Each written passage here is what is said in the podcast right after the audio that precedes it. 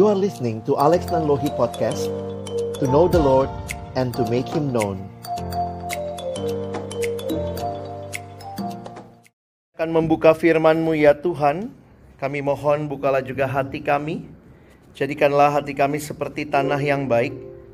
Supaya ketika benih firman Tuhan ditaburkan boleh sungguh-sungguh berakar, bertumbuh, dan juga berbuah nyata di dalam kehidupan kami.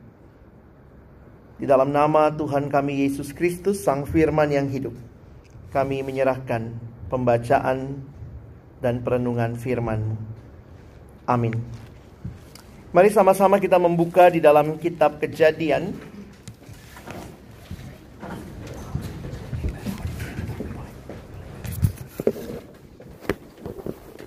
Kita akan melihat kejadian pasalnya yang kedua.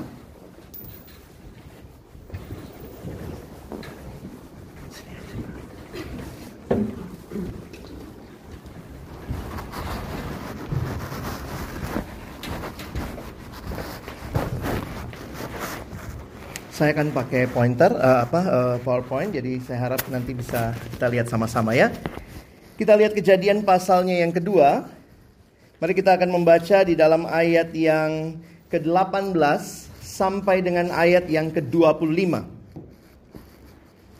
Kejadian pasal yang kedua ayat 18 sampai dengan ayatnya yang ke-25. Mari kalau sudah menemukan kita baca bergantian. Saya baca ayat 18, teman-teman baca ayat 19. Kita bergantian sampai ayatnya yang ke-25. Tuhan Allah berfirman, tidak baik kalau manusia itu seorang diri saja. Aku akan menjadikan penolong baginya yang sepadan dengan dia.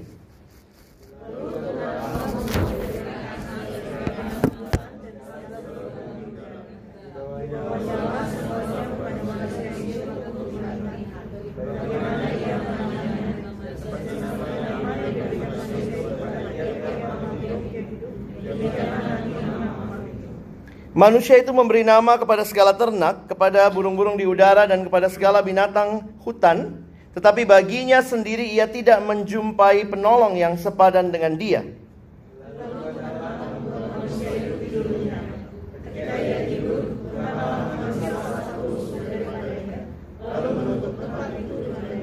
Dan dari rusuk yang diambil Tuhan Allah dari manusia itu, Dibangunnyalah seorang perempuan, lalu dibawanya kepada manusia itu.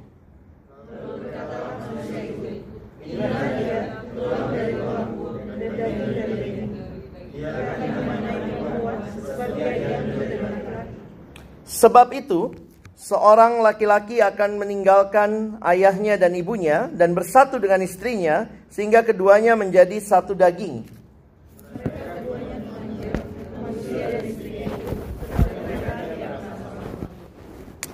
Bahagialah mereka yang mendengarkan firman Allah dan yang memeliharanya. Saudara yang dikasihi Tuhan, ini tema yang menarik untuk kita pikirkan sama-sama di tengah-tengah pergumulan realita kehidupan orang muda. Sorry ya, gambarnya agak agak garing gitu ya. I love you ya. Uh, memilih pasangan hidup dalam Tuhan. Kalau kelihatan lebih jelas, ini warnanya pink loh, ya tapi karena mungkin uh, proyeksinya kurang pas melihat jadi bayangkan aja itu pink begitu ya. Nah apa yang menarik teman-teman untuk kita bahas dalam konteks ini? Saya pikir sebagai orang-orang yang sudah dewasa saya katakan dewasa karena ini masa-masa di mana realita terjadi di sekitar kita termasuk di dalam pemuda mengalami pergumulan dalam relasi. Ya termasuk dalam relasi antara pria dan wanita. Saya ingat waktu ponakan saya masih TKA, itu kalau dia dia cewek ditanya gitu ya. Biasalah kita om tante suka bercanda gitu ya. Pacarmu yang mana? Semua cowok di kelas itu pacarnya dia. Gitu ya. Jadi itulah kalau anak kecil begitu kan, oh, pokoknya ini pacarnya, pacarnya, semua pacarnya. Dia sebut namanya si Kevin, si uh, Brandon, si siapa gitu ya. Tapi makin dewasa, kalau kamu sekarang dewasa begini lalu semua orang pacarmu, something wrong with you, begitu ya. Apalagi waktu masa-masa mulai remaja, Biasanya memang kalau masa remaja mulailah gara-gara satu orang di kelas, satu orang yang dipikirin, nggak bisa tidur, baper, mulai bikin hal-hal yang aneh, chatting-chatting yang salah, eh salah gitu ya, begitu kali ya. Nah, dan sebenarnya kalau kita nggak kelar dengan masa remaja, bisa jadi keterusan loh zaman pemuda.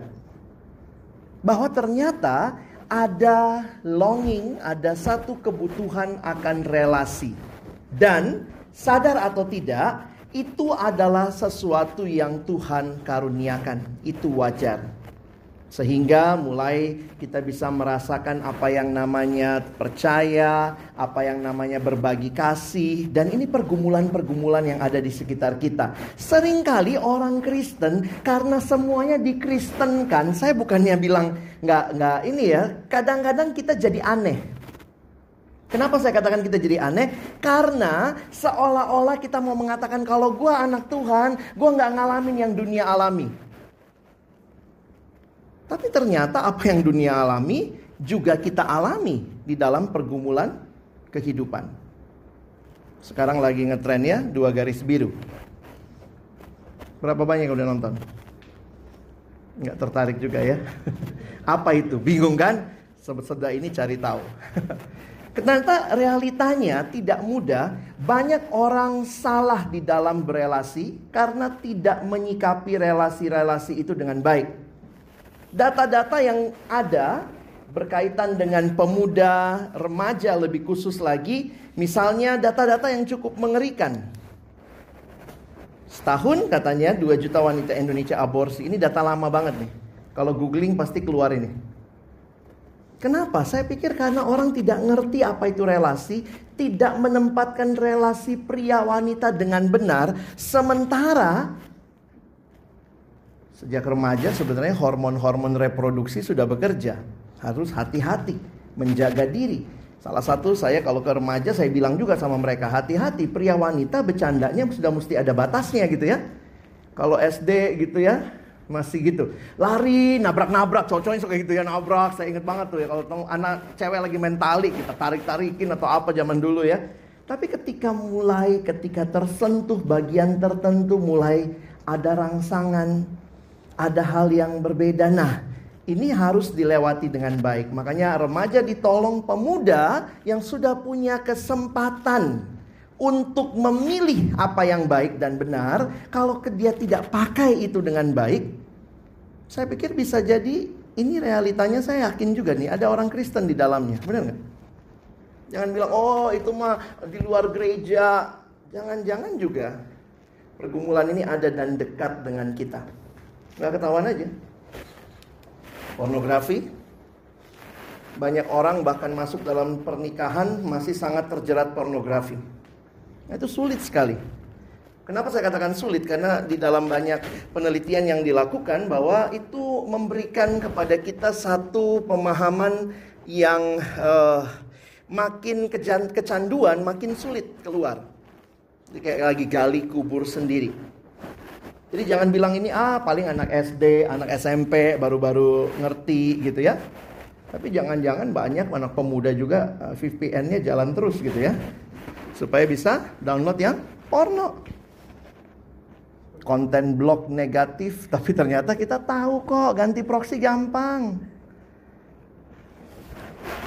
Pergumulan yang lain ini LGBT lagu Boti.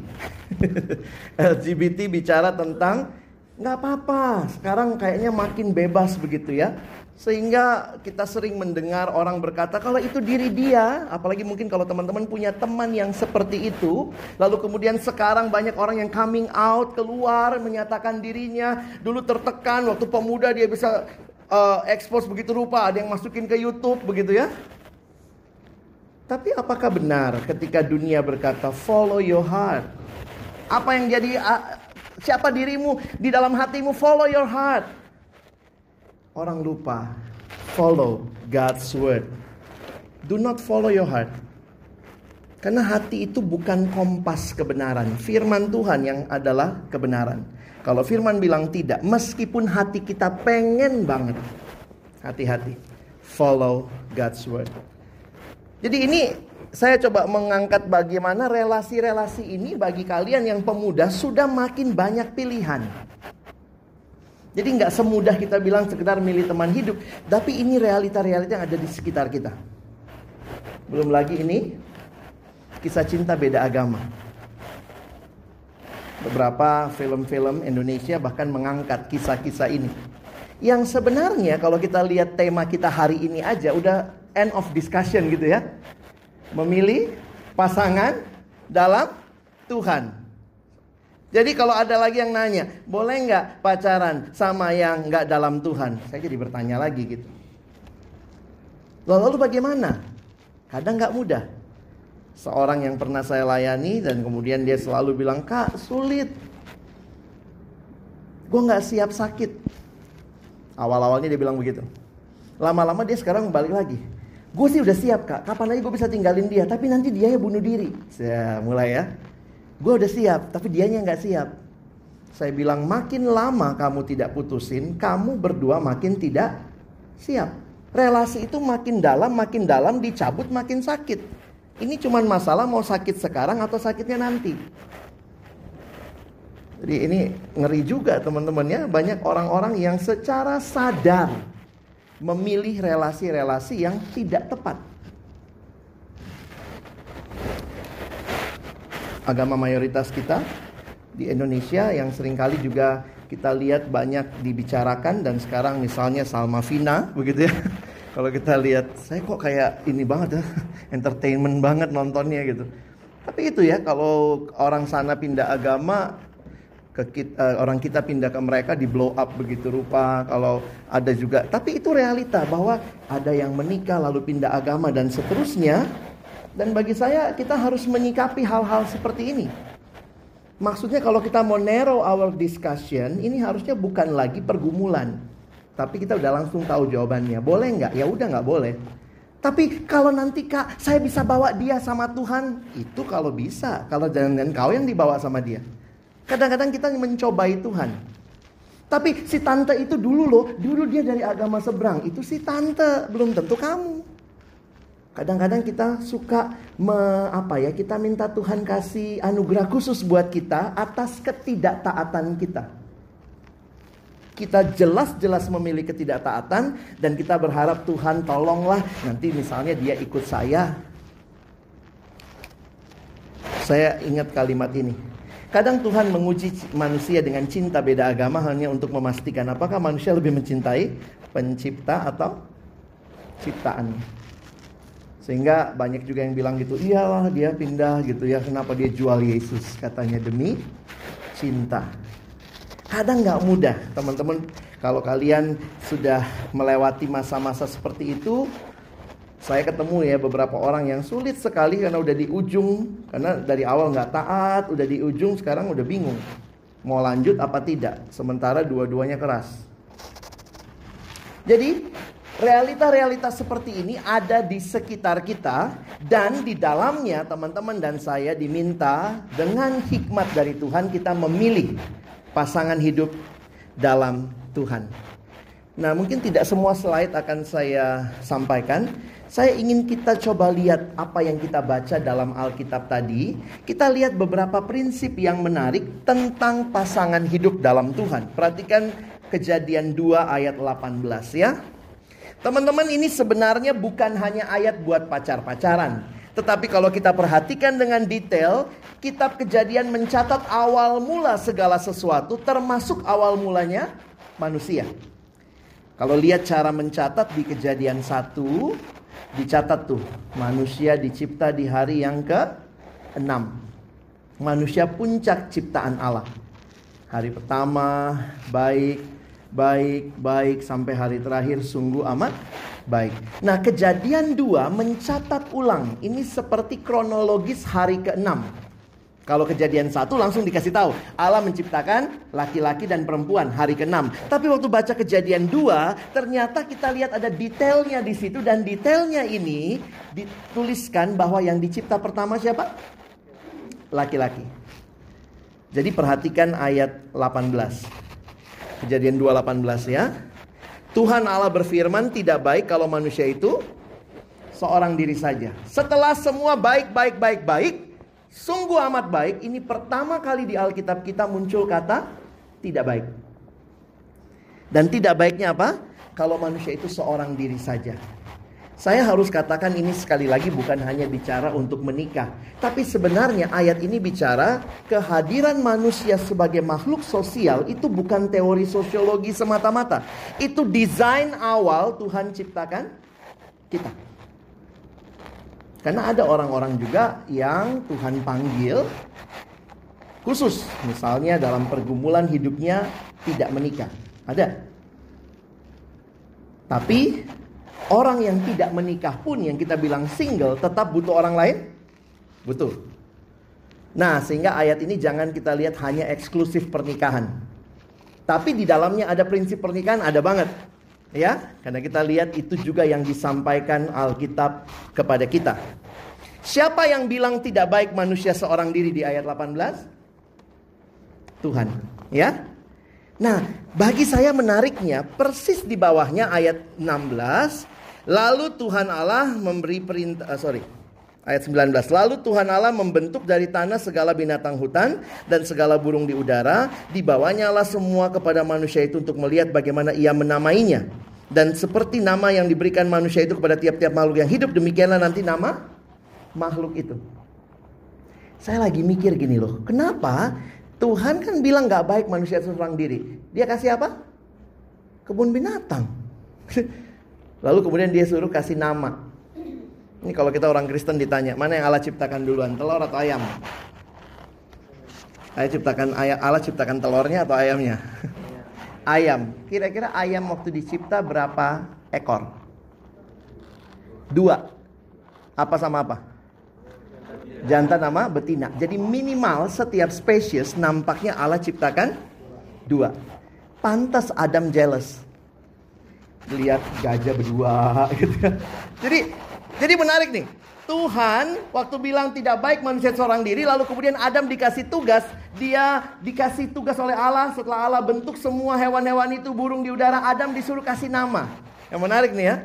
Jadi kalau lihat ini kalau bicara anak sekolah minggu, jadi berarti kucing itu nggak pernah bilang gua kucing dong, gua kucing dong. Adam bilang kucing loh, kucing dia. Ada ada datang oh monyet loh, monyet ya. Monyet nggak pernah milih namanya sendiri. Dan yang menarik adalah apa? Perhatikan akhir dari ayat yang ke-20. Manusia itu memberi nama kepada segala ternak, kepada burung-burung di udara dan kepada segala binatang hutan, tetapi baginya sendiri ia tidak menjumpai penolong yang sepadan dengan dia. Jadi teman-teman, kalau lihat konteksnya saja, apa artinya sepadan? Sama-sama manu manusia. Jadi itu aja yang dipastikan kalau cari pasangan ya. Sama-sama manusia. Sepadan itu apa? Saya sekarang banyak ditafsirkan. Sepadan itu berarti S1 harus sama S1. Sukunya harus sama. Tingkat ekonominya harus sama. Sebenarnya Alkitab nggak ada bicara. Sepadan itu yang paling jelas manusia sama manusia. Makanya heboh juga di China waktu itu beberapa tahun yang lalu ada wanita menikah sama kucingnya. Dia pelihara banyak kucing, dia nikahin salah satu. Kenapa? Kucing lebih setia dari laki-laki.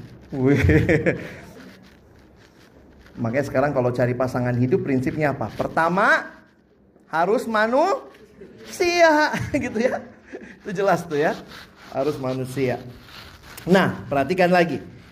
Teman-teman lihat jadi menariknya setelah Adam dikasih pengalaman dengan hewan-hewan itu, Adam sadar. Tadi siapa yang bilang tidak baik? Allah. Sekarang Adam sadar. Pas Adam sadar, lihat apa yang Tuhan lakukan. Ayat 20. 21. Lalu Tuhan Allah membuat manusia itu tidur nyenyak. Ketika ia tidur, Tuhan Allah mengambil salah satu rusuk daripadanya, lalu menutup tempat itu dengan daging. Ini operasi pertama di dunia. Ya. Tapi prinsipnya dipakai sampai hari ini. Prinsip apa? Anas tesi yang dioperasi dibikin tidur ya nggak ada ya oh usus buntu ya belek ya ambil ya nggak ada ini menarik nih mereka lewatin operation Lalu kemudian Tuhan ambil kira-kira gitu ya. Kita tidak tahu persisnya bagaimana Tuhan melakukannya, tetapi juga ini banyak puisi-puisi cantik dibuat dari ayat ini. Kenapa harus tulang rusuk?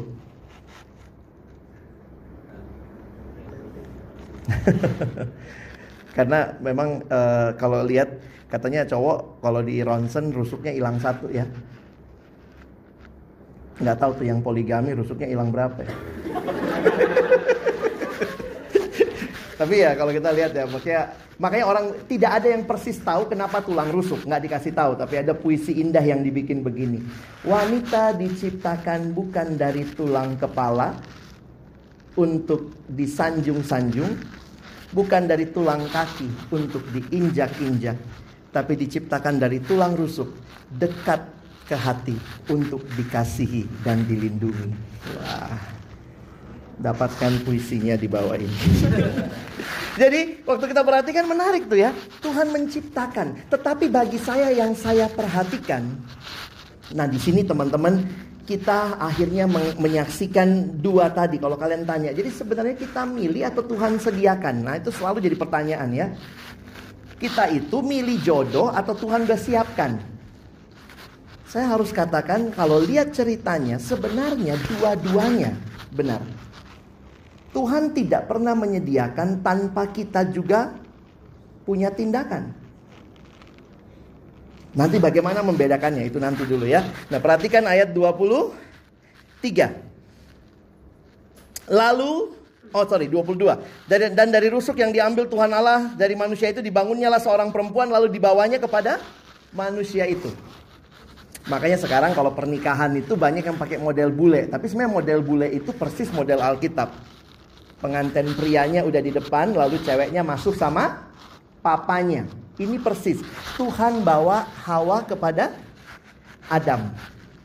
Ya, nah ada juga sih yang masuk langsung berdua nggak apa-apa juga, bukannya kurang alkitabiah gitu ya. Tapi waktu saya lihat itu memang Tuhan membawa. Jadi itu sebenarnya pertanyaannya apa? Adam nemu atau Tuhan yang sediakan? Oh Tuhan sediakan itu pasti. Tuhan tahu Adam punya kebutuhan, Tuhan siapkan. Tapi perhatikan respon Adam ayat 23. Lalu berkatalah manusia itu. Kira-kira ini kan kalau teman-teman belajar bahasa Indonesia, ini kutipan langsung nih. Kutipan langsung. Gimana kira-kira intonasinya Adam waktu lihat Hawa pertama kali? Bayangkan, kita udah tahu ceritanya ya. Sudah lihat semua hewan kagak ada yang cocok. Saya kadang suka mikir apa ya iseng gitu ya. Mungkin waktu itu uh, Adam sore-sore gitu ya. Ih ada om gajah tante gajah. Oh om pinjem tante jalan bareng tante gajah kegedean. Uh, tante jerapah ketinggian. Terus mau bareng tante semut eh, hampir keinjek. eh yang paling mirip tante monyet jalan bareng gitu ya. Tegak tante tegak eh bongkok lagi gitu. Makanya Adam bilang nggak ada ya sepadan. Setelah pencarian tidak ada yang sepadan. Begitu lihat Hawa dibawa Tuhan kepada Adam, kira-kira responnya Adam gimana nih? Kira-kira Adam ngomong gini, inilah dia tulang dari tulangku gitu. Ya ini dia. Ya. Saya kok rasanya wow ya. Ini dia tulang dari tulangku. Makanya mesti baca ayatnya dari atas sampai bawah. Kita bisa menafsirkan bahwa ternyata di sini saya melihat satu sisi Allah sediakan, tetapi di sisi lain kita punya excitement kepada orang yang Tuhan sediakan bagi kita. Makanya cinta jangan bertepuk sebelah tangan. Kalau cuma kamu yang suka, dia kagak, sadar diri lah. gitu ya. Gue seneng banget bang sama dia, tapi dia kagak. Please, tenang. Kita nggak bisa maksa. Cinta nggak bisa bertepuk sebelah tangan. Ada pendeta katanya gereja aneh-aneh gitu ya. Pendetanya juga istri baru meninggal, ganjen juga. Saudara yang di belakang, Tuhan siapkan kamu buat saya. Wih, gitu ya kan, sekarang pakai model nubuat ya. Uh, untung juga tuh cewek pinter ya dia berdiri. Sama Pak Pendeta Tuhan baru bicara sama saya bukan Bapak. gitu ya. Jadi kadang-kadang jangan mempermainkan. Satu sisi saya melihat ada bagian Allah menyediakan. Tapi di dalam anugerahnya kita dikasih excitement, ketertarikan melihat atau menemukan orang yang memang Tuhan sediakan bagi kita. Buat Adam mungkin gak masalah karena cuma ada Hawa. Buat kita masalah kan? Tiba-tiba lima cantik semua atau empat ganteng semua. Yang mana? Gak bisa kita bilang saya tertarik sama semuanya. Di sini kita butuh bergumul di hadapan Tuhan untuk tanda kutip kalau kita pakai istilah hari ini menemukan, mencari pasangan di dalam Tuhan. Tapi perhatikan begini, sadari betul, miliki iman bahwa Tuhan menyediakan yang terbaik bagi saudara. Ya. Jadi, kalau kita perhatikan yang dibawa itu adalah wanita. Karena itu kekristenan kita menolak pernikahan sejenis. Karena jelas di dalam Alkitab pria dan wanita. Jadi kalau ditanya, "Bang, gimana kriteria cari pasangan hidup?" Pertama, harus manusia. Pastikan. Yang kedua, saya suka bilang dulu, jangan seiman dulu, lawan jenis dulu. Dulu kan gitu. Pokoknya cari yang seiman. Seiman kak, tapi kamu sejenis. Joko sama Koko nggak bisa gitu ya.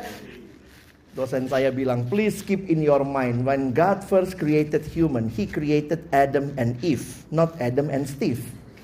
ya benar juga ya, bukan Adam sama Steve ya. Jadi di sini udah ada prinsipnya. Pernikahan adalah kesatuan yang Tuhan inisiasi, disambut oleh manusia. Di dalam anugerah Tuhan ada ketertarikan pria dan wanita dan ini sifatnya kekal. Perhatikan di dalam ayat yang ke-23. Lalu berkatalah manusia itu, inilah dia tulang dari tulangku dan daging dari dagingku, ia akan dinamai perempuan sebab ia diambil dari laki-laki. Siapa yang ngasih nama perempuan? Adam, ya, Adam yang ngasih nama. Saya kebayang tuh Adam waktu waktu pacaran sama Hawa atau setelah merit kan ini langsung merit ya. Ya, Adam waktu habis merit kira-kira apa rutinitasnya? sama Hawa. Jalan-jalan. Ingat loh, yang ngasih nama hewan siapa? Adam. Jadi mungkin pacarannya mereka adalah Ih sayang aku digigit tuh yang kecil-kecil. Aku sih namanya? Terus Adam bilang itu semut sayang. Gitu kan ya. Jadi mungkin bagus juga yang mau pacaran ke kebun binatang ya. Ini ini sayang gitu ya. Naming Naming the animals ya. Sorry intermezzo ya. Nah perhatikan. Ayat 24. Nampaknya karena ini ditulis kemudian diberikan prinsip pernikahan oleh Musa. Kenapa? Karena memang perhatikan di ayat 24. Sebab itu seorang laki-laki akan meninggalkan ayahnya dan ibunya. Hampir pasti Adam, eh, ya pastilah, pasti kan Adam sama Hawa nggak punya papa mama. Makanya Hawa itu wanita paling bahagia di dunia. Nggak punya mertua. Nah itu kalau bicara hal seperti ini, itu jadi prinsip-prinsip yang mewarnai kita memilih pasangan hidup. Dan perhatikan ayat 25. Ini disatukan dengan hubungan seksual. Hubungan seksual menjadi ikatan yang menyatukan bagi pria dan wanita yang sudah ditetapkan di dalam pernikahan. Karena mereka keduanya telanjang, manusia dan istrinya itu tetapi mereka tidak merasa malu. Kalau sekarang banyak orang muda bukan suami istri, keduanya telanjang dan tidak tahu malu. Kalau lihat ayat ini mau menekankan kepada kita ini hal yang penting. Pernikahan adalah inisiasi Allah, diresponi manusia. Kalau John Stott bilang terjadi di depan umum karena meninggalkan ayah dan ibu berarti diketahui ada masyarakat yang mengetahui, kita biasanya pakai catatan sipil dan seterusnya. Dan kita melihat ini antara laki dan perempuan dan di dalamnya ada ikatan secara badani, secara seksual. Nah, kalau demikian, bagaimana kita membingkai pemahaman tentang pacaran? Di dalam Alkitab tidak ada pacaran. Kenapa? Karena memang pacaran itu sangat tanda kutip budaya sifatnya. Di dalam Alkitab mereka sistemnya dijodohkan. Masih ingat waktu Abraham carikan jodoh untuk Ishak, dia cari dari anak relatifnya. Jadi memang perkawinan di dalam uh, keluarga pada masa itu adalah bagian untuk memastikan sebenarnya orang-orang ini punya pemahaman yang sama, akar yang sama, keluarga yang sama-sama menyembah Allah dan seterusnya. Nah, sehingga kalau teman-teman perhatikan di dalam kita membingkai pacaran yang jadi budaya kita sekarang karena Alkitab tidak bicara pacaran, Alkitab hanya bicara pernikahan, maka kita harus membingkai pacaran kita di dalam bingkai pernikahan. Pacaran yang baik tujuan akhirnya adalah menikah. Bagaimana kita melihat itu? Saya pikir ini yang harusnya kita bangun konsep kita, pemahaman kita. Seringkali saya mau bahas sedikit tentang love. Kata-kata seperti ini jadi kata-kata yang basi sekali. Karena apa? Karena kayaknya semua orang bicara tentang I love you. Ini udah biasa disebutkan love, kasih cinta sampai akhirnya juga jadi susah membedakan dengan lust gitu ya. Bahkan semua bahasa dunia atau bahasa yang ada punya cara ekspresi menyatakan love. Bahkan orang yang tunarungu pun juga mengatakan ini. Ini berarti apa? I love you. Jadi kalau begini bukan metal ya. Itu sebenarnya bahasanya mereka I love you. Nah diginiin jadi I love you. Coba bilang sama temannya lah. ya itu ungkapan. Jadi kasih itu bahasa yang universal. Tapi memang sering kali kita langsung bicara kasih kita bawa ke pasangan laki perempuan. Tetapi sebenarnya misalnya ini pun relasi kasih ini juga lucunya ya. Uh. Cinta kepada bangsa itu juga kasih. Relasi persahabatan juga kasih. Tapi memang orang selalu merayakan kayaknya relasi pria dan wanita sampai ada yang namanya hari Valentine, begitu ya. Sehingga mereka berdua pun nggak mau ketinggalan. Nah, dalam realita ini kalau kita mau membangun relasi di dalam Tuhan, memilih pasangan di dalam Tuhan, pastikan bahwa kamu memilih pasangan yang menolong kamu juga bertumbuh di dalam kasih. Saya bahas sedikit tentang kasih dari Alkitab. Kenapa? Karena Alkitab bicara kasih itu sangat berbeda dengan dunia. Dunia selalu berpikir kasih itu adalah apa yang saya dapat. Enggak, Sebenarnya bahasa Indonesia tuh paling gampang menjelaskan kasih. Apa itu kasih? Kasih, ya kasih. Love is giving. Jadi pastikan engkau bertumbuh di dalam kasih, di dalam berpacaran. Kalau teman-teman sudah siap memulai relasi kasih, maka pastikan ini bukan relasi yang ngambil. Love is not taking. Love is giving. If love is taking, taking that is not love, that is rampoking. You know? Perhatikan kasih. Dalam hal inilah kasih Allah dinyatakan di tengah-tengah kita, yaitu bahwa Allah telah mengutus anaknya yang tunggal ke dalam dunia supaya kita hidup olehnya. Inilah kasih itu bukan kita yang telah mengasihi Allah, tetapi Allah yang telah mengasihi kita yang dan yang telah mengutus anaknya sebagai pendamaian bagi dosa-dosa kita. Perhatikan Alkitab kita. Kalau mau belajar kasih, jangan belajar dari film Korea. Bukan itu tempat yang tepat. Drama Korea, romantisme, I love you, you love me, we love lovean gitu ya.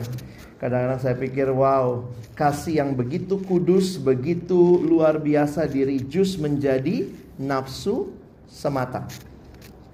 Kalau kita berpacaran di dalam kasih, maka ingatlah, kasih dimulai dari Allah. Makanya pastikan kamu cari pasangan yang kenal Tuhan. Gimana mau belajar tentang kasih Allah kalau dia tidak pernah kenal Tuhan? Sehingga waktu dia kenal Tuhan, dia bisa memahami Allah mengatakan God is love. Dan perhatikan setiap kali Alkitab bicara kasih khususnya Perhatikan perjanjian baru. Hampir setiap kali ayat di perjanjian baru waktu bicara kasih, belakangnya ada tindakan. Allah mengasihi, tindakannya apa? Memberikan anaknya. Coba ayat apa yang kita paling ingat di perjanjian baru? Yohanes 3 ayat 16. Karena begitu besar kasih Allah akan dunia ini, ia telah memberikan anaknya. Love is giving. Itu kalau kita pakai bahasa Betawi ya. Karena begitu besar kasih Allah akan dunia ini sehingga dia kasih anaknya. Apa itu kasih? Kasih? Ya kasih. Makanya kalau orang pacaran aja sudah berani grepe-grepe, sudah berani ambil. Kalau kau mengasihiku, ayolah tidur sama aku, ayolah uh, main-main, ayolah ML dikit. Itu bukan kasih, itu rampok. Kalau kasih, kita akan punya tujuan. Saya akan jaga pasangan saya kudus sampai altar pernikahan. That is love. Tapi kasih itu harus ada buktinya. Buktinya apa? Main-main sama love? Jadinya lust. Allah memberikan anaknya. Di salib itu Yesus memberikan segalanya bagi kita. Pendeta Billy Graham bilang begini ya. Allah buktikan kasihnya pada kayu salib ketika Kristus digantung berdarah dan mati. Itulah saatnya Allah berkata kepada dunia, aku mencintaimu. Perhatikan kasihnya Allah. If you want to learn about love, kalimat ini menarik. If we are looking for a definition of love, we should look not in a dictionary, but at Calvary. Di kayu salib engkau mengerti, kasih itu berarti mengorbankan diri. Saya berkorban tahan nafsu saya untuk tidak ngapa-ngapain dia. Kenapa? Itu kasih saya kepada dia. Jadi kalau kita ngikutin semua yang kita mau, hancur kita. Itulah film dua garis biru kan. Akhirnya tes speknya dua garis biru. Hamil dalam masa remaja. Itu sebenarnya lebih cocok film remaja ya. Jadi kalau kita perhatikan agak lag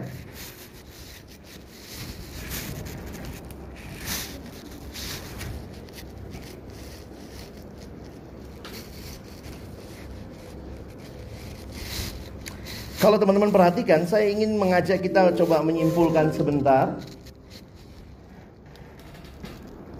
Kasih dunia itu dikaitkan hanya dengan perasaan.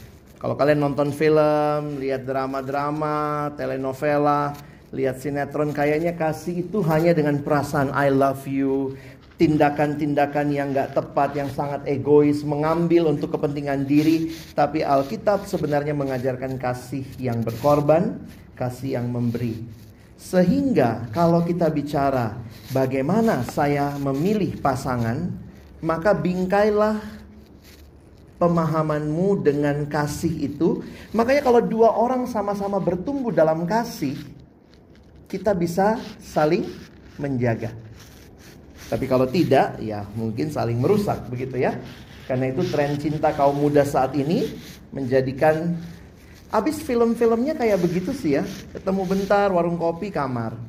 Ketemu bentar warung kopi kamar. Kayaknya itu udah umum banget gitu. Saya kadang mau protes juga tuh ya kemarin nonton apa? Spider-Man semua umur tapi itu kayak love story banget gitu ya. Jadi kadang-kadang apalagi kalau di bioskop kita sekarang permisif banget gitu anak-anak yang bisa nyelip-nyelip juga nonton tidak sesuai umur dan segala macam itu realita yang ada di sekitar kita sehingga kayaknya yang namanya pacaran kudus itu udah jadul banget saya ketemu beberapa definisi pacaran kayak gini gitu ya semua orang pacaran malu dong kalau jomblo terus kalau udah nggak asik putus aja serius banget sih mikirnya Kolot banget gaya pacarannya ketinggalan zaman. Pacaran ngapain ke gereja? Ini lucu amat gitu kali ya. Jadi ini realita-realita yang ada di sekitar kita. Kenapa? Karena memang inilah yang dunia sedang tawarkan kepada kita. Dunia sedang memberikan label-label kepada kita. Saya nggak tahu nih, sini banyak yang udah pacaran belum? Sekarang banyak juga nggak mau pacaran katanya. Lebih senang hubungan tanpa status itu. Saya di gereja mimpin satu KTB dan kemudian ada beberapa anak yang cerita gitu. Katanya namanya open relationship. Lu boleh sama siapa aja, gue boleh sama siapa aja. Tapi kalau mentok ya kita bareng. Jadi akhirnya apa komitmennya? Komitmen kami gampang kak. Kalau dia lagi deket sama siapa dia cerita. Gue lagi deket sama siapa gue cerita. Tapi kita bukan pacar. Terus saya bilang terus waktu dia cerita lu sakit nggak? Iya sih. Goblok kan? Saya mikir Apa bedanya gitu? Tapi dia bilang, tapi kita bukan pacaran kak. Dan akhirnya kemarin mereka putus. Putusnya kenapa? Karena dia jalan sama orang lupa cerita. Saya bilang ah bukan masalah lupa cerita lu sakit banget pasti. Tapi itulah, jadi akhirnya ini generasi yang tidak mau punya komitmen, mau enaknya, mau panggil papa mama gitu ya. Kadang-kadang di WA gitu, gimana pak, ma, namanya salapa salama gitu ya. Aduh, jadi ya kenapa? Karena memang ya begini-begini banyak lah ya. Kalian bisa lihat lah film-film drama Korea. Saya nggak tahu ini siapa semua gitu ya.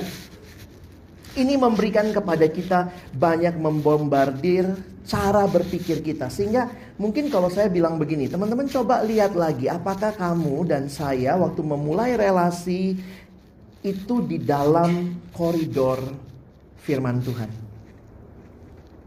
Ada kasih di situ, ada kekudusan di situ, ada tujuan yang jelas di situ. Jangan heran banyak pacaran mentok atau jadi amburadul. Kenapa? Karena tidak dibangun dengan tujuan yang jelas. Ya, saya kalau mau cerita realita-realita itu banyak ya, karena saya juga banyak konseling dengan para alumni dan itu ngeri-ngeri loh hidupnya. Ada yang bilang iya uh, nikmatinnya apa? Sex after lunch di kantor, tiba-tiba ngeloyor keluar sejam, pulang lagi kayak nggak pernah terjadi apa-apa. Saya kadang mikir, hah kayak begitu ya? Seorang istri selingkuh, suami selingkuh, kayak kayak apa ya? Dan itu udah dimanisin ya bahasanya, selingkuh ya. Selingan indah keluarga utuh katanya. Tapi ngeri banget. Kenapa? Karena sebenarnya kalau kita pakai istilah Alkitab itu ngapain? Berzina. Cuman kayak, ih tante itu bersinah loh. Ih jangan, jangan pakai bersinah. Selingkuh. Manis dikit. Tapi sama aja. Jadi ya, saya lanjutkan lah ya. Jadi ini, definisi yang bervariasi muncul di sekitar kita. Pacaran relasi khusus dengan doi yang mengasihi tapi nggak perlu mikir jauh sampai pernikahan. Tapi bagi saya yang penting adalah ini. Pacaran itu satu langkah penting sebelum pernikahan hanya dengan orang yang sudah dipertimbangkan untuk jadi calon istri, calon suami, istrinya adaptasi dan penjajakan terakhir. Loh, tapi kan nggak ada di Alkitab. Menariknya begini, dalam satu buku yang pernah saya baca, mereka mengatakan begini, bagi orang Yahudi tidak ada tradisi pacaran, yang ada adalah tradisi tunangan sebelum merit. Masih ingat? Tunangan itu mirip kayak pacaran kita. Jadi misalnya ingat Yusuf sama Maria sudah ditunangkan tapi mereka dalam masa pertunangan itu di hadapan hukum sebenarnya sudah seperti suami istri. Tapi masing-masing masih pulang ke rumah orang tuanya masing-masing. Makanya kalau kalian ingat, ketika Yusuf tahu Maria dalam masa pertunangan itu hamil, Yusuf berniat menceraikan Maria diam-diam. Kenapa? Karena Yusuf punya punya pemahaman wanita ini nggak jaga kekudusan masa pacaran atau masa pertunangan. Tapi malaikat menyatakan diri jangan yang di dalam kandungannya dari Roh Kudus. Jadi saya lagi bayangkan, sebenarnya walaupun orang Yahudi tidak punya prinsip pacaran, tapi dia punya masa pertunangan yang nampaknya sama adalah masa untuk saling menguji dan mengenal. Bisa putus. Kalau lihat ceritanya Yusuf mau ceraiin Maria diam-diam bisa. Kalau pasangannya tidak jaga kekudusan. Sehingga kalau kita bawa pola yang sama, maka masa pacaran harusnya adalah masa saling kenal. Ya. Dan isinya adaptasi dan penjajakan terakhir. Karena itu ada pertanyaan kepada saya. Terus gimana? Kapan kita mulai pacaran? Saya tidak rekomendasi anak siswa pacaran lah, terlalu cepat. Pacaran enaknya cepat apa lama teman-teman? Cepat ya? Langsung merit ya, ya gitu ya case ya. terlalu cepat bagus nggak? Oh, baru ketemu dua jam lalu merit yuk, nggak lah ya. Tapi kalau terlalu lama, pacaran bagusnya berapa lama? 10 tahun gitu? Kelamaan ya. Tiga tahun ya. Pacaran itu sudah deket tapi nggak boleh ngapa-ngapain kan? Jadi misalnya begini, mau merit umur berapa? 24 udah lewat nih banyak nih kita. Misalnya kalau mau pacaran uh, merit anggaplah kalau cewek kan atau cowok biasanya oh mau stabil dulu, mau nabung sinamot dulu gitu ya. Apalah gitu ya. Kalau misalnya cowok umur 28 misalnya. Cowok 28 meritnya. Pacarannya berapa lama bagusnya? 3 tahun? 4 tahun? 3 tahun. Berarti mulai pacaran umur Kalau SMA pacaran umur 17 tahun meritnya 28 dia nunggu 11 tahun. Terus ada yang bilang, tapi kan belum tentu merit sama dia kak. Iya juga sih, tapi masa sih kita mau mau sekedar pacaran tanpa tujuan merit? Kalau kalian jadi orang tua kalian ngerti yang saya maksud ya. Om om pinjam anaknya ya, uh, pacarin bentar ya, nggak nggak bakal merit om, tenang aja. Ntar gue grepe-grepe anak om, sadar aja nanti gue balikin om. Saya pikir kalau kita tidak punya tujuan yang jelas, kita bisa main-main dengan pacaran. Tapi kalau kita tahu pacaran tujuannya pernikahan, pernikahannya kudus, maka pacarannya harus kudus. Ya. Jadi makanya kadang-kadang kita mesti belajar nih mendefinisikan apa itu teman, apa itu sahabat, apa itu pacaran, apa itu tunangan dan apa itu pernikahan. Jelas. Mulai dari titik ini teman bisa banyak. Sahabat biasanya lebih sedikit, tapi mulai pacar tuh satu gitu ya. Jangan kebalik, piramidanya malah gede di bawah gitu. Poligami. Saya harus tolong anak remaja mendefinisikan sering kali. Kenapa? Karena begitu. Baru jalan bareng bentar, itu pacar gua. Ya ampun, belum ada komitmen, belum ada apa begitu ya. Mulailah dari akhir. Akhirnya mana? Pernikahan. Kalau pernikahan kudus, pacaran kudus ya. Saya kasih beberapa prinsip pernikahan lalu kita bisa tanya jawab ya. Alkitab tidak bahas pacaran, tapi pertunangan dan pernikahan. Pacaran Kristen seharusnya memiliki tujuan pernikahan. Karena pernikahan sifatnya kudus, maka pacarannya juga kudus. Karena itu di dalam kekristenan kita menolak beberapa hal. Pertama, kekristenan menolak premarital sex. Hubungan seks sebelum pernikahan. Ada yang bilang, tapi kalau udah terlanjur gimana? Oh ini bicara terlanjur mesti harus jelas bereskan di hadapan Tuhan. Tidak ada istilahnya gini ya, coba dulu kak, nanti mana tahu nggak cocok. Emangnya beli mobil? Beberapa gereja cukup strict dengan hal ini. Tapi ya, itu tergantung konteks ya. Saya kaget juga pernah satu gereja ada yang bilang e, karena minta diberkati sudah hamil. Tapi gimana kalau nggak diberkati? Salah juga, sulit juga. Nah dalam hal-hal seperti itu biasanya kasus per kasus akan diputuskan.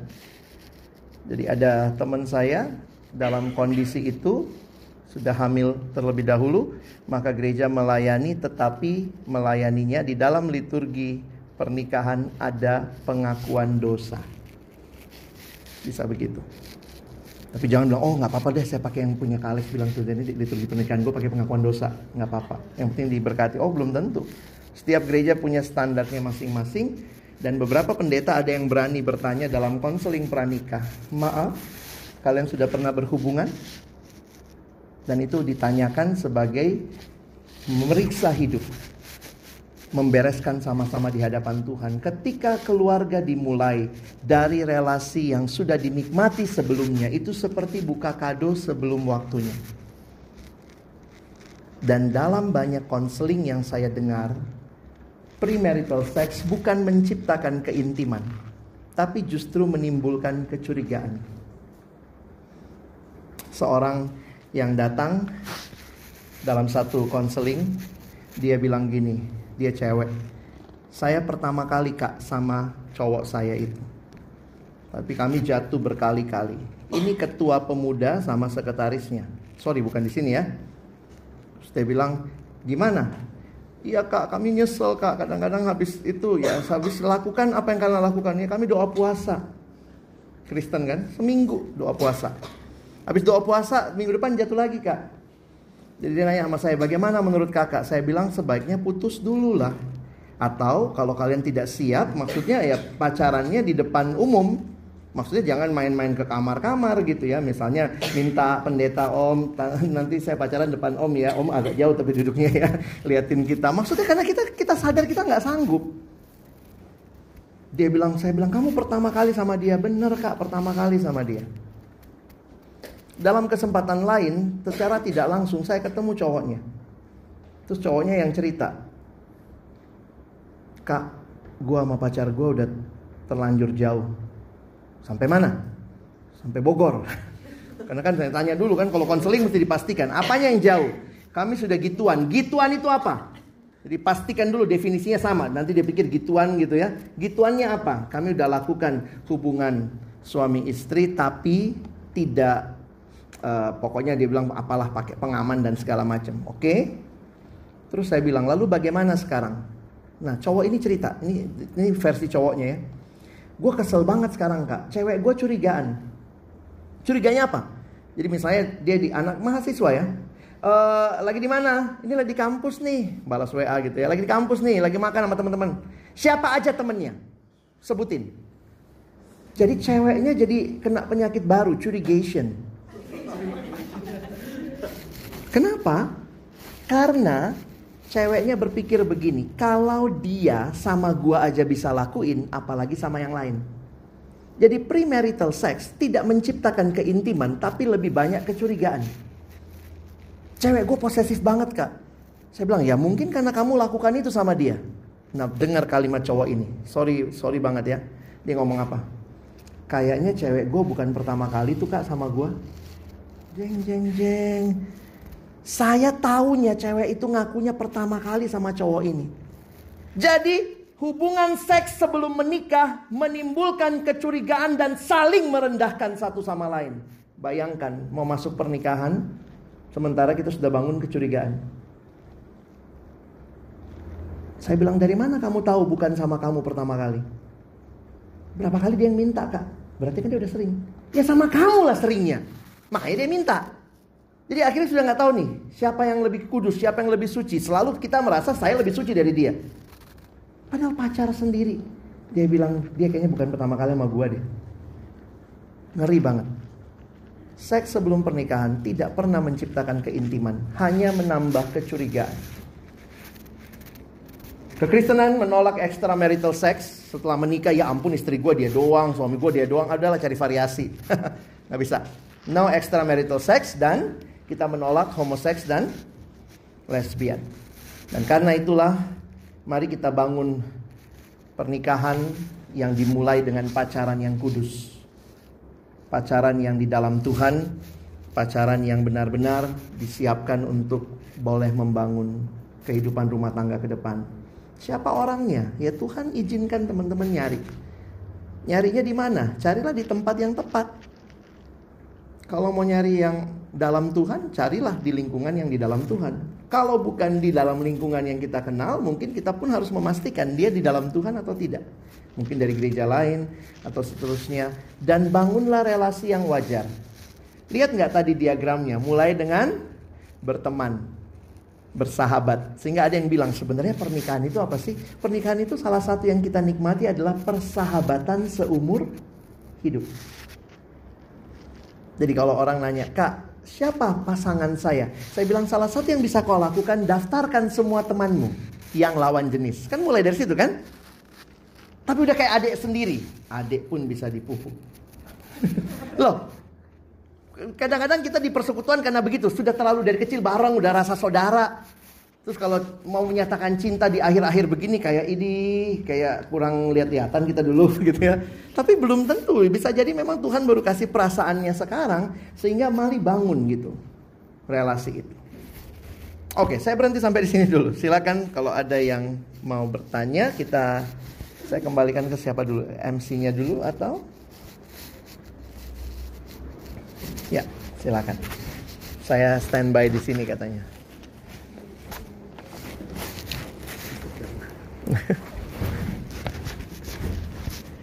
Ya, terima kasih. Nah, tadi udah banyak jawab. Tadi ada pertanyaan yang pertama yang saya tanya juga sama Steffi ya, yang ini ya Steph, apa namanya, kenapa mencari? Kenapa memilih memilih buat mencari? Ya, tadi ternyata memilih dan mencari teman-teman. Nah, kira-kira sampai sejauh ini ngerti? Paham gitu ya, sakit soalnya. Begitu dibilang uh, Filipus harus gini. Wah, dia lihat di belakang loh, dengeran suara-suaranya gitu ya kan. Ada yang mau ditanyakan dari topik kita? Oke, boleh. Ini gimana nih? Siapa ya? Boleh ke depan? Boleh ke depan? Depan sini aja. Ya. Oke.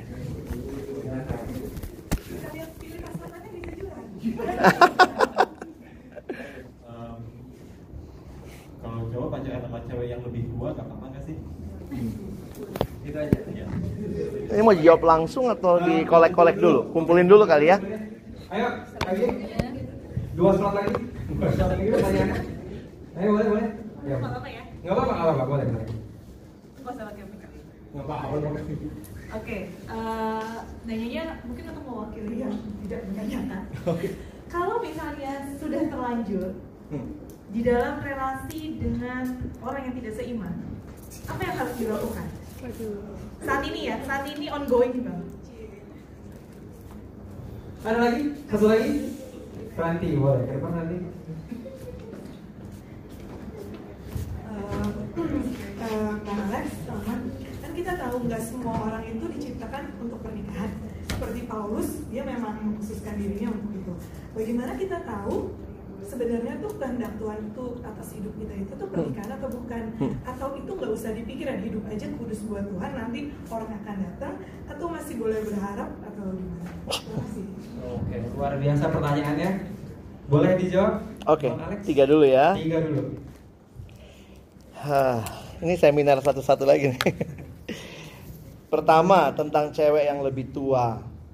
Di dalam Alkitab tidak ada larangan khusus. Memang yang jadi masalah adalah pem- pe- apa ya? Kita mesti memahami psikologi. Psikologi juga itu adalah ilmu yang secara khusus Tuhan juga berikan untuk menolong keberlangsungan hidup manusia.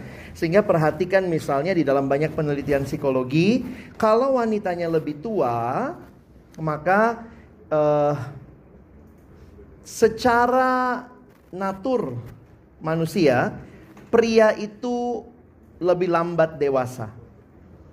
Wanita lebih cepat. Itu dilihat dari mana? Dilihat dari waktu eh, puber. Waktu puber pria biasanya telat 2-3 tahun dibanding wanita.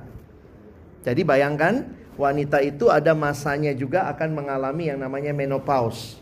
Sehingga di saat seperti itu kalau dia lebih tua jauh lalu prianya masih eh, lucu-lucunya begitu ya, masih seger-segernya nah itu banyak potensi perselingkuhan. Tapi belum tentu bisa begitu juga. Ada orang yang bisa jaga itu dengan baik. Makanya di- tidak disarankan lebih dari 10 tahun. Misalnya kalau lebih dari 10 tahun atau ada yang bilang jangan lebih dari lima tahun perbedaan usianya. Hanya untuk mempertahankan balance dalam dinamika hidup. Tapi eh, hati-hati juga secara ilmu seksologi ada juga orang yang punya kecenderungan senang bergairah lihat wanita yang lebih tua. Itu disebut sebagai apa? Itu yang kayak si itu ya. Siapa tangkupan perahu itu ya? Jadi dia jatuh cinta. Itu namanya Oedipus kompleks. Jadi jatuh cinta sama memang wanita yang lebih tua.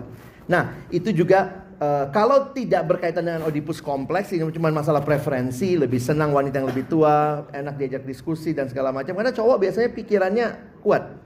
Sehingga kadang-kadang kalau ceweknya masih ah es krim, es krim gitu ya. Alamak, gue butuhnya diskusi nih gitu ya. Jadi belum tentu setiap itu masalah preferensi. Saya lebih sukanya seperti apa. Jadi kalau ditanya buat saya gumulkan aja. Kalau tidak masalah jalan aja. Ya. Tapi eh, coba perhatikan juga karena menikah itu kalau khususnya buat kita orang timur masih masalah kaitan dengan keluarga. Jadi coba pertimbangkan juga pendapat-pendapat keluarga. Walaupun belum tentu harus didengar semua ya. Kalau tidak seiman, apa yang harus dilakukan? Sebenarnya udah jawab, udah ketahuan sih jawabannya taat. Nah taatnya itu cuma masalah mau taat sekarang nanti apa tetap nggak taat. Nah, ini yang kadang-kadang sulit. Saya coba bayangkan begini, makin lama sebuah pohon ditanam, akarnya makin dalam, ketika dicabut lebih banyak tanah yang terkuak. Jadi kalau kamu bilang, aduh tapi saya takut sakit kak, ini masalahnya cuma sakitnya, makin lama kamu putusin, makin sakit nanti. Tapi bagaimana kalau dia mau ikut saya? Kalau gitu putusin dulu ikut Tuhan Yesus sungguh-sungguh baru pacarin lagi. Kadang-kadang jangan sampai orang ikut hanya karena cinta kamu. Belum tentu dia sungguh-sungguh cinta Tuhan. Saya suka bayangkan begini, kalau ada dua orang ya, satu di bawah, satu di atas. Kalau tarik-tarikan, yang mana yang mungkin jatuh? Yang di atas. Bisa nggak kita ngangkat dia? Bisa-bisa juga sih. Kadang-kadang keangkat, kadang-kadang kita yang jatuh. Makanya jangan gambling. Belajar bangun relasi dalam ketaatan. Gimana caranya? Uh, mungkin teman-teman perlu benar-benar punya dasar keyakinan firman Tuhan. Salah satu yang biasanya saya pakai, walaupun itu konteksnya tidak langsung pernikahan dan uh, pacaran, itu 2 Korintus 6. Sebenarnya ada di slide sih, slide saya ini panjang nih ya. Sorry ya.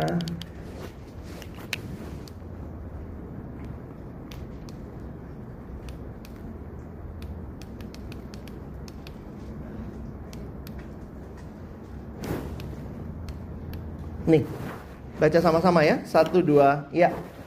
Janganlah kamu merupakan pasangan yang tidak seimbang dengan orang-orang yang tak percaya. Sebab persamaan apakah terdapat antara kebenaran dan kedurhakaan? Atau bagaimanakah terang dapat bersatu dengan gelap? Saya agak surprise, Paulus bicara ini awalnya konteks apa? Bukan pernikahan loh. Ini konteks dagang. Hati-hati kamu dagang sama yang gak percaya.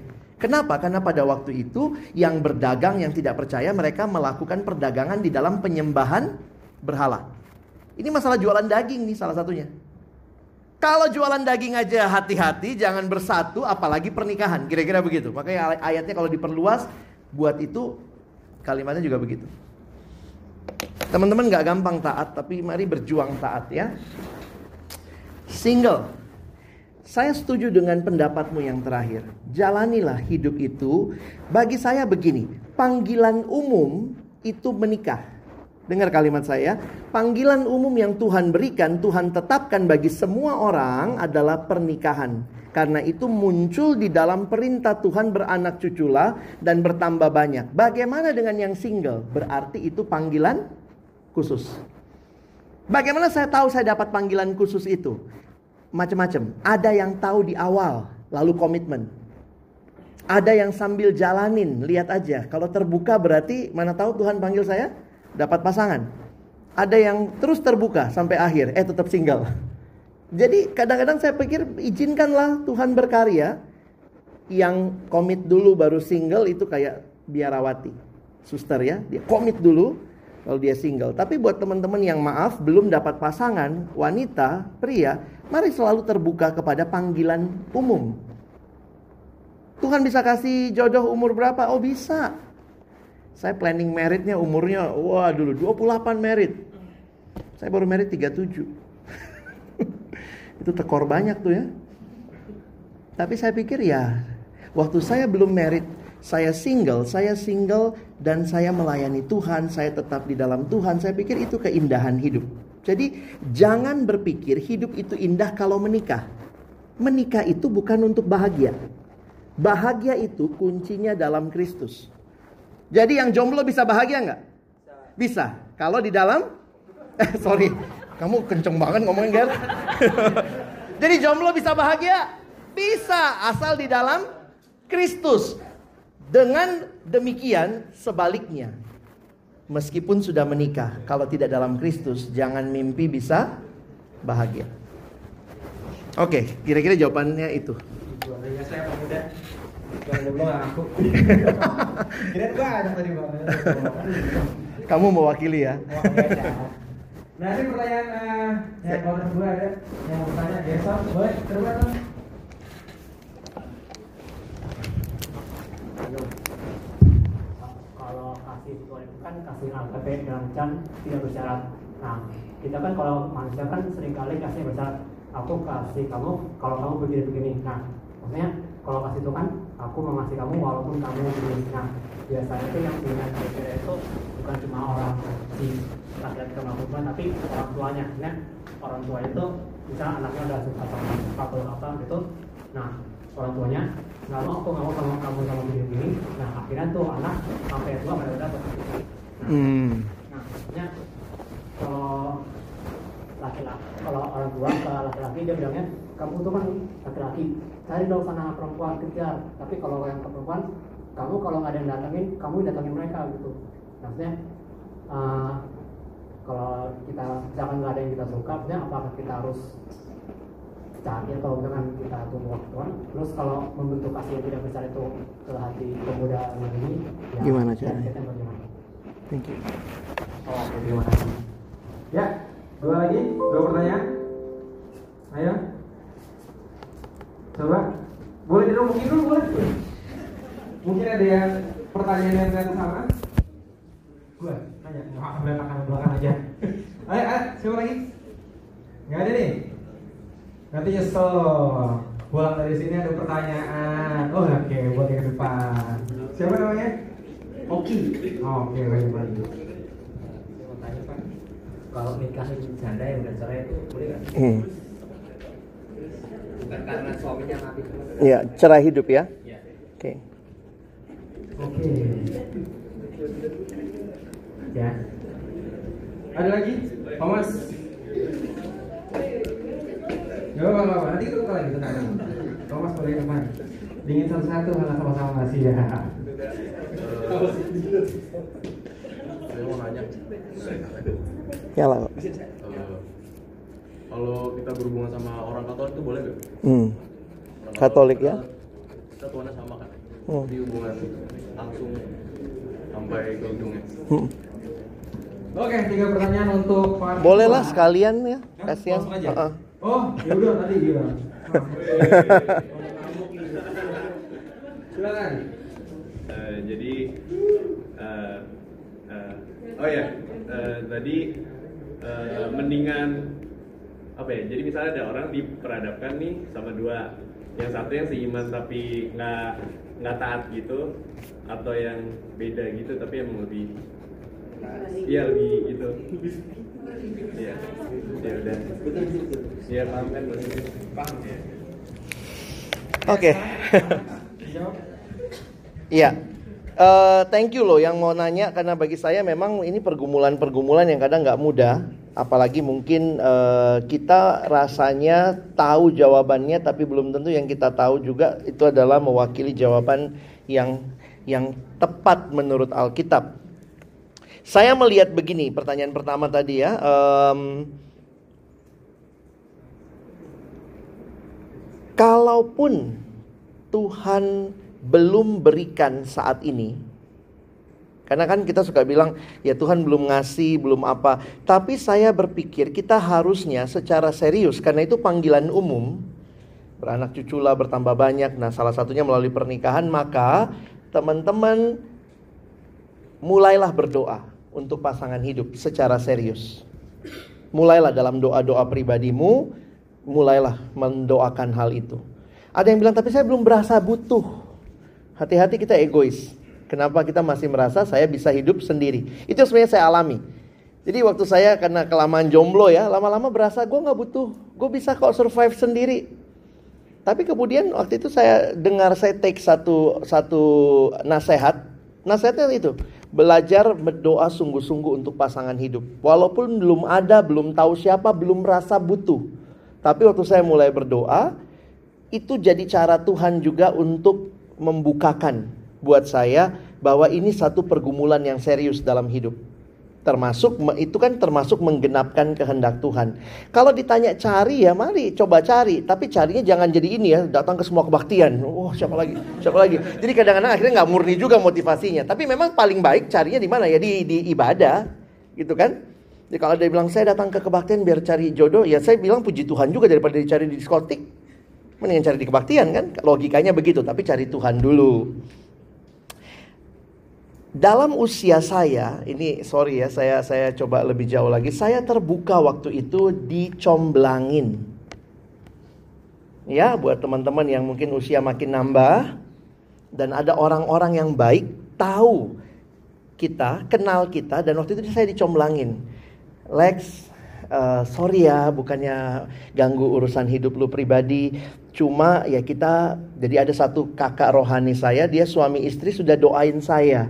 Doain supaya kamu punya pasangan.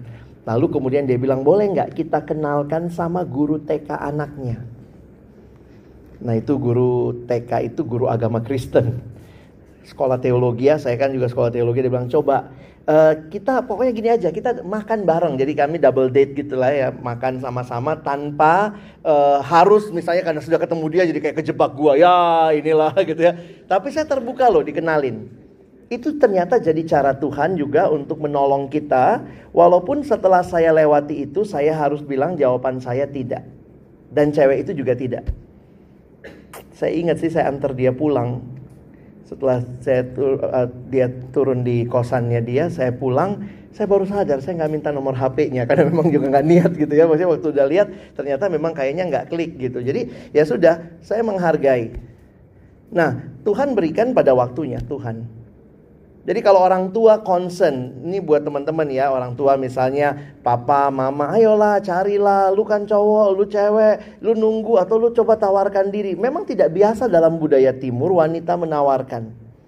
Tetapi sekarang juga saya harus katakan begini, perhatikan ada beberapa cowok-cowok dalam kerohanian yang bagus ternyata nggak berani nembak. Cowok-cowok takut gagal. Deketin, deketin, deketin, gak jelas mau ngapain. Ada yang bilang, kak, gue bingung sama dia. Kenapa? Gue udah satu bulan ini dijemputin terus sama dia. Terus saya bilang, tanya dong. Lah, gue kan cewek, kak. Masa gue tanya? Tanya apa, kak? Saya bilang, tanya aja, perlu bayar nggak? Siapa tahu dia ojek. Tapi maksudnya begini loh. Hati-hati, pria sebenarnya harus berani nembak. Tapi wanita, kalau kamu sudah diperlakukan dan perasaanmu sudah dipermainkan seolah-olah dipermainkan, saya melihat kalian punya hak untuk bertanya. Ya? Kalau kalian malu bertanya, pakai orang lain. Boleh, orang ketiga.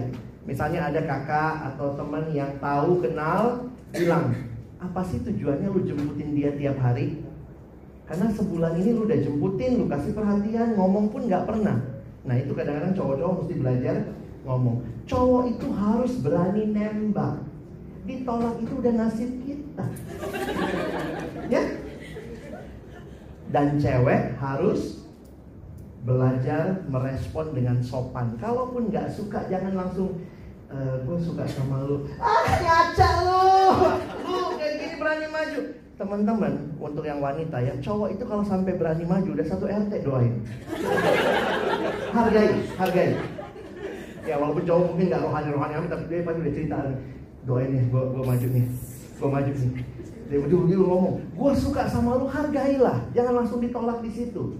Terima kasih. Jadi cewek belajar tuh terima kasih ya udah suka sama gua kasih waktu satu dua hari gue jawab jangan juga langsung jawab di situ kadang-kadang pedih ya jadi kalau kita tahu tata keramanya kan jadi jadi enak relasinya. Kalau dibilang sorry saya udah doain dua hari ini saya juga ikutin nasihat orang tua kayaknya saya belum siap buat pacaran. Cowok belajar terima. Oh iya thank you ya udah doain.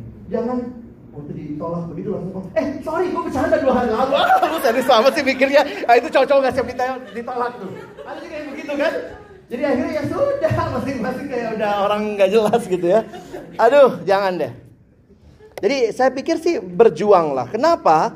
Kalau kita aja berjuang untuk kenal Tuhan, kita juga berjuang. Saya pikir logis banget kita berjuang untuk sesuatu yang kita tahu baik. Tuhan sediakan buat kita. Tapi belum ada rasa, mulai aja dengan doa. Ya, mulai berdoa rutin untuk pasangan hidup.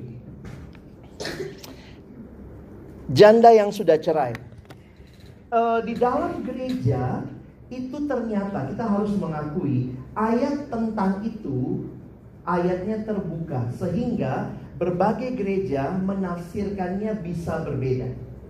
Di mana kalian ada, tanya pendetamu apa pendapatnya karena mungkin itu mewakili pendapat gereja GKI secara khusus. Tapi umumnya dua pendapat. Pertama, tidak boleh menikah lagi kalau pasangannya cerai hidup. Jadi yang cerai hidup tidak ada izin menikah lagi. Beberapa gereja strict dengan itu.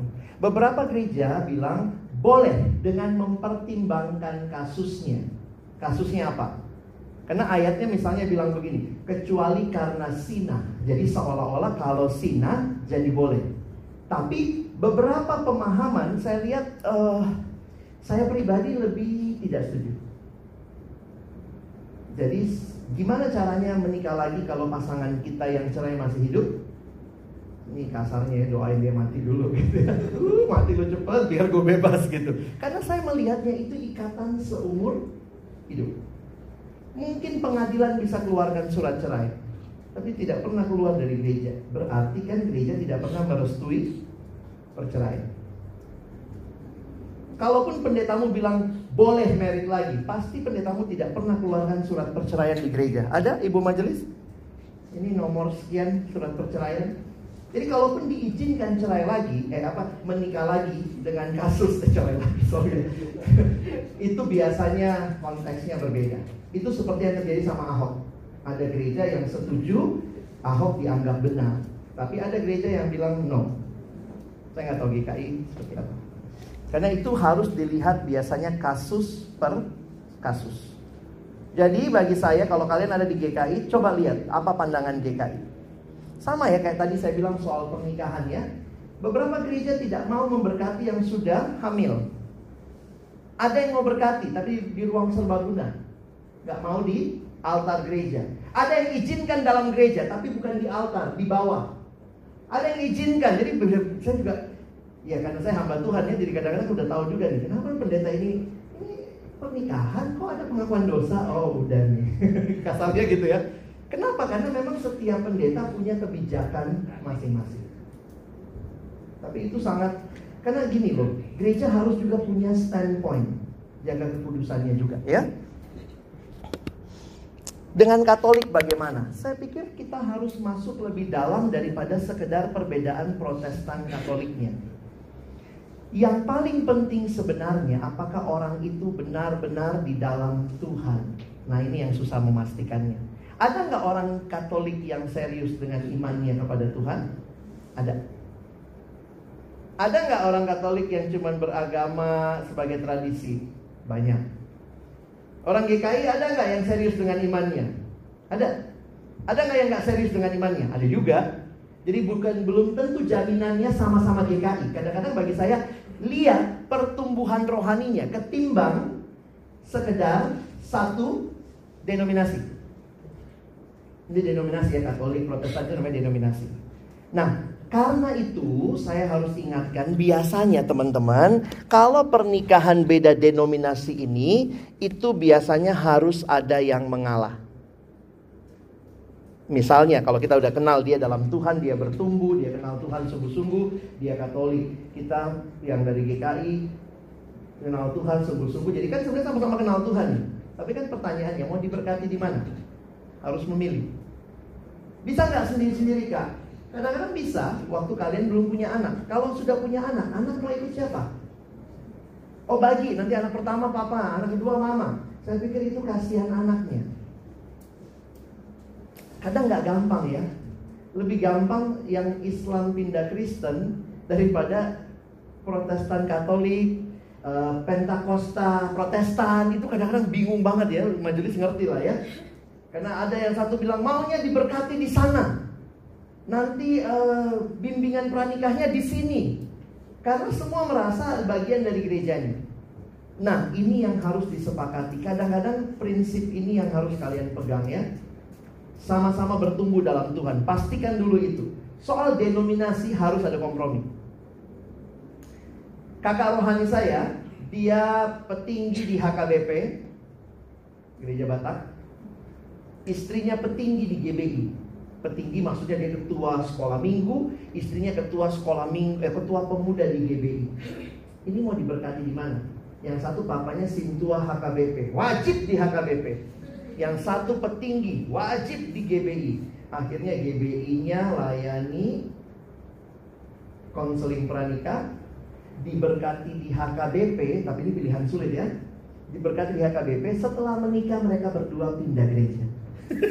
Cari gereja ketiga. Kenapa? Karena kalau istrinya masuk ke HKBP, istrinya jadi orang baru di HKBP, suaminya orang lama. Kadang-kadang tertekan. Sebaliknya, kalau suaminya masuk ke GBI, suaminya jadi orang baru. Akhirnya mereka pilih gereja ketiga, sama-sama pindah ke gereja baru, sama-sama orang baru. Kadang-kadang sampai kayak begitu tuh. Nah ini yang saya pikir jangan cuma uh, kita mesti pikir panjang juga, tapi itu semua bisa diselesaikan dengan kompromi. Ya, karena nggak ada. Memang kadang-kadang Protestan suka lihat Katolik itu sesat. Katolik juga lihat kita sesat. Lu yang memisahkan diri. Kami pisah karena lu nggak benar. Tapi berarti kita sama-sama nggak benar. Hati-hatilah. Pengakuan iman kita sama kok. Seiman tapi tidak taat atau pilihannya tadi dikasih pilihan ya. Kadang-kadang pilihan itu kita yang bikin sih ya. Jadi uh, saya bukan meniadakan pilihan, tapi kadang-kadang karena kita nggak terbuka aja lihat pilihan yang lebih baik. Jadi kalau kita sudah punya preferensi, saya pengen nama dia, maka kita akan terus usahakan sama dia dengan membuat pilihan-pilihan yang lain yang kayaknya lebih lebih baik sama dia daripada sama yang lain. Susah sih ya kalau bicara masalah ketidaktaatan ini saya bukannya meniadakan pertanyaanmu tapi harus bisa belajar melihat lebih luas. Misalnya, kalaupun sekarang kayaknya dia lebih baik, apakah dia lebih baik selamanya? Karena nanti masalah anak juga gimana. Beberapa teman saya yang menikah di luar negeri selalu alasannya gitu. Habis yang Kristen-Kristen nggak benar sih di gereja. Jadi akhirnya dia dapat orang non Kristen tapi baik banget, sayang banget sama dia di luar negeri, nggak pernah ke gereja. Akhirnya mereka menikah. Suami gua nganter gua ke gereja Lex, tapi di parkiran nunggu. Terus saya bilang itu bukan, maksudnya kalau bilang lihat lagi kondisi sebelumnya itu pilihan yang dia buat. Dia memang kayaknya lebih suka sama yang sayang banget tapi kemudian tidak memperhatikan kerohanian orang. Sementara bagi saya di dalam long run-nya sebuah family kita tidak hanya butuh suami atau istri yang sayang saja.